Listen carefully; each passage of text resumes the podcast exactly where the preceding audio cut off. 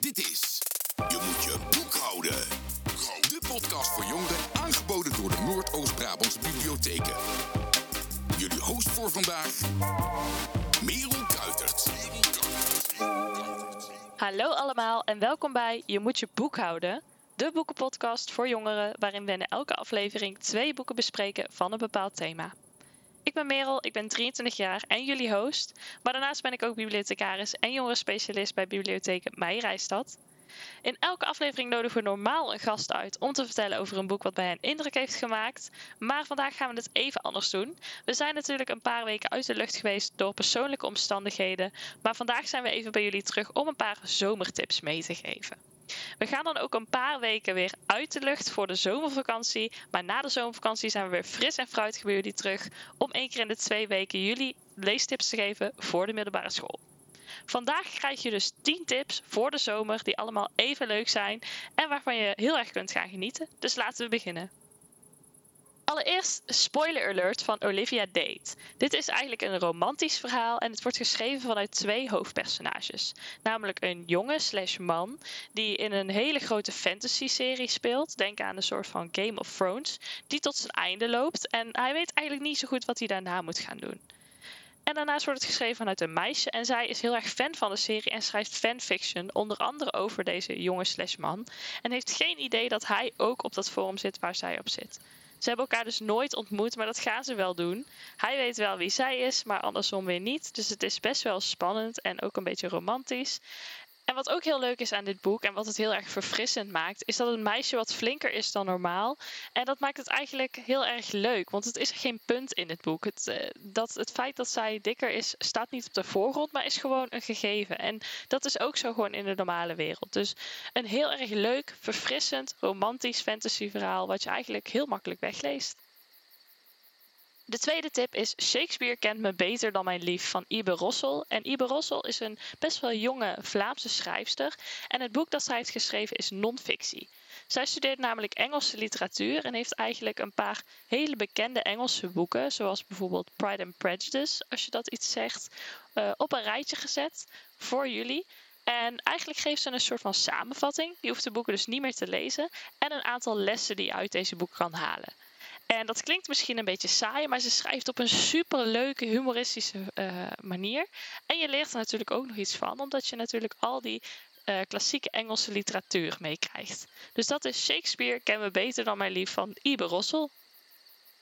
De derde tip die ik jullie wil geven is De Genezer van Zalindov van Linette Noni. En dat is een heel erg nieuw fantasy young adult boek. En dat gaat over, zoals je al zou zeggen aan de titel, uh, een genezer van de gevangenis Zalindov. Het gaat over een meisje en zij wordt eigenlijk uh, naar een gevangenis gebracht omdat zij in contact is geweest met de rebellenbeweging van het land. Zij is dus al op hele jonge leeftijd in de gevangenis en omdat zij daar al een tijdje is en blijkbaar ook wel goed kan helen, wordt zij de heler ofwel de genezer van de gevangenis Salindov. Op een gegeven moment komt er een rebellenkoningin. Zij wordt binnengebracht en ja, zij is eigenlijk, uh, zij moet opgeknapt worden. En daarnaast heert er ook nog een, een, pandemie in de gevangenis. Dus er gebeurt van alles tegelijk. En op een gegeven moment moet zij elementenproeven gaan doen om uit die gevangenis eventueel te komen. Het is super spannend. Er zitten enorm veel plotwendingen in en enorm veel fantasie. Dus mocht je daarvan houden, ga deze young adult fantasy dan zeker lezen. De genezer van Zalindov van Linette Noni. De vierde tip is perfect voor degenen die van sprookjes houden en dan vooral hervertellingen van sprookjes. Het is namelijk Vergif van Jennifer Donnelly. En eerder schreef ze als stiefzus, wat een hervertelling was van het klassieke sprookje Assepoester. En Vergif is eigenlijk een hervertelling van Sneeuwwitje. En in Vergif gaat er een meisje, namelijk Sophie, op een soort van uh, reis, omdat zij natuurlijk bedreigd wordt door haar stiefmoeder, net zoals in Sneeuwwitje. En zij ontmoet ook zeven mannen. Uh, in plaats van dwergen uh, die in een huisje wonen, die haar op een gegeven moment opvangen. Ja, het lijkt ergens wel op het sprookje, maar ook weer totaal niet. Het is een young adult fantasy, net als de vorige tip. En het is super spannend, maar ook wel een beetje romantisch. Meer dan bijvoorbeeld de genezen van Zalindov. Dus mocht je daarvan houden en van een heleboel sprookjesachtige magie, dan is Vergif van Jennifer Donnelly zeker een tip voor jou. De vijfde tip is The Secret Art of Being a Grown-Up van Bridget Watson Payne. En dat klinkt een beetje als een saaie titel en het is uh, ook geen Engels boek zoals je misschien zou denken. Maar het is een non-fictieboek met allerlei hele grappige tips eigenlijk. Dus mocht je nou bijvoorbeeld uit huis gaan, ga je op kamers, ga je studeren.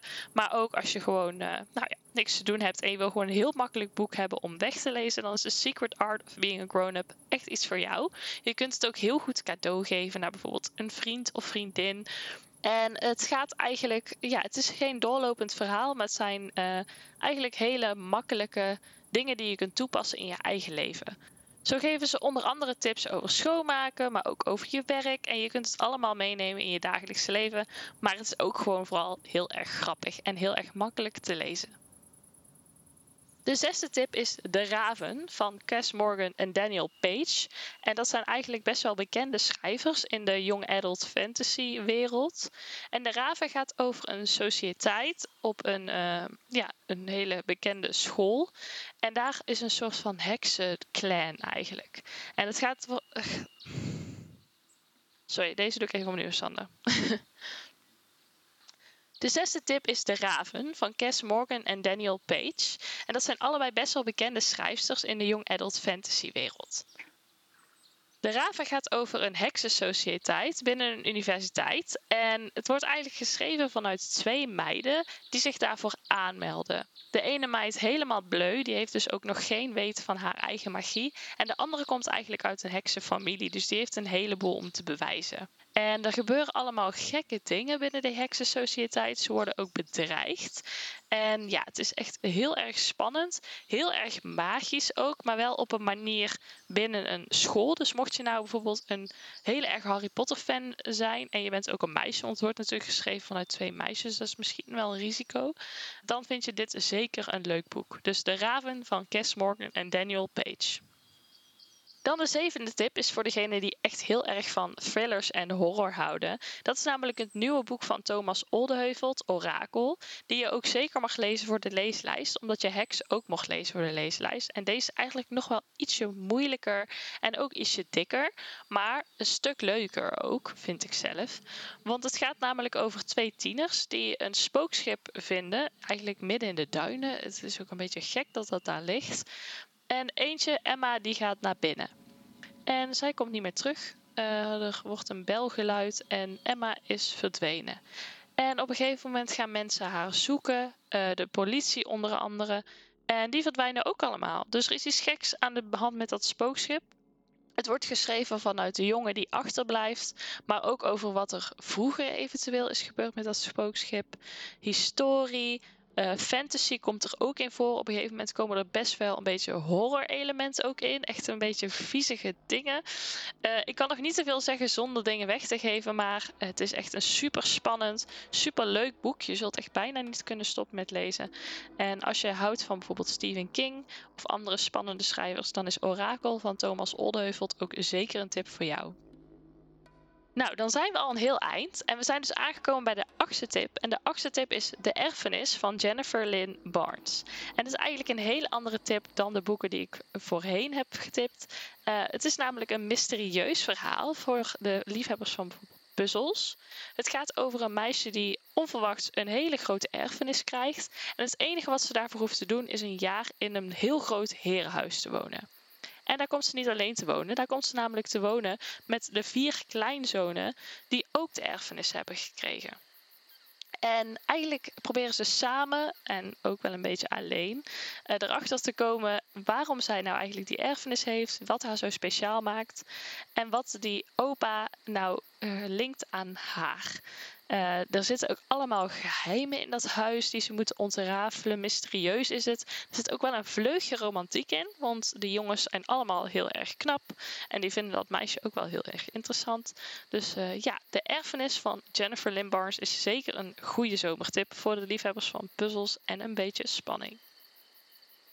De negende tip, en misschien stiekem wel mijn favoriete boek van dit jaar, is Het Onzichtbare Leven van Eddie LaRue van Victoria Schwab, als ik het goed zeg.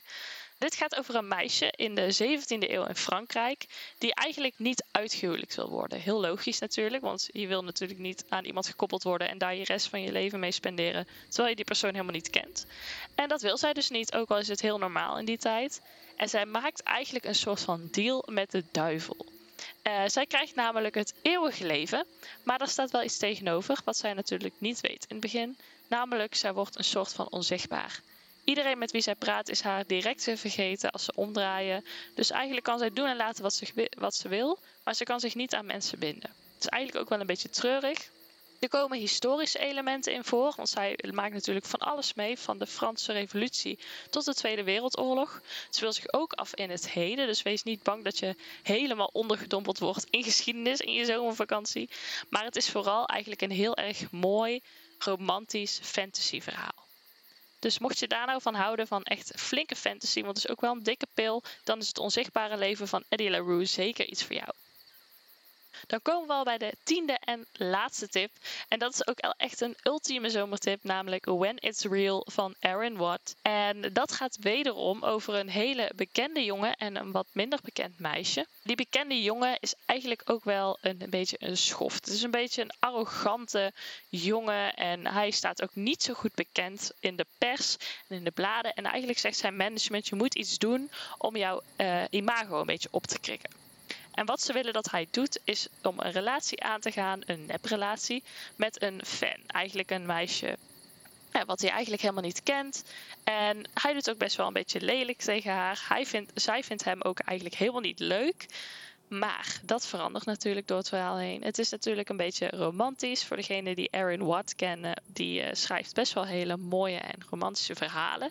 Het is een jongere roman en het gaat eigenlijk voornamelijk over ja, vriendschap, maar ook over uh, liefde. Dus uh, mocht je daarvan houden, het leest heel lekker weg en het is zeker een boek voor de zomer.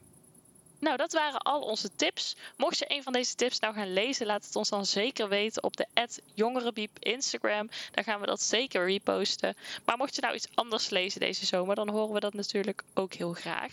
Ik wens jullie in ieder geval een hele leuke zomervakantie en we hopen jullie natuurlijk terug te horen bij het nieuwe seizoen van Je moet je boek houden na de zomervakantie. Fijne dag allemaal. Dit was Je moet je boek houden. Na de vakantie zijn we weer terug met nieuwe afleveringen.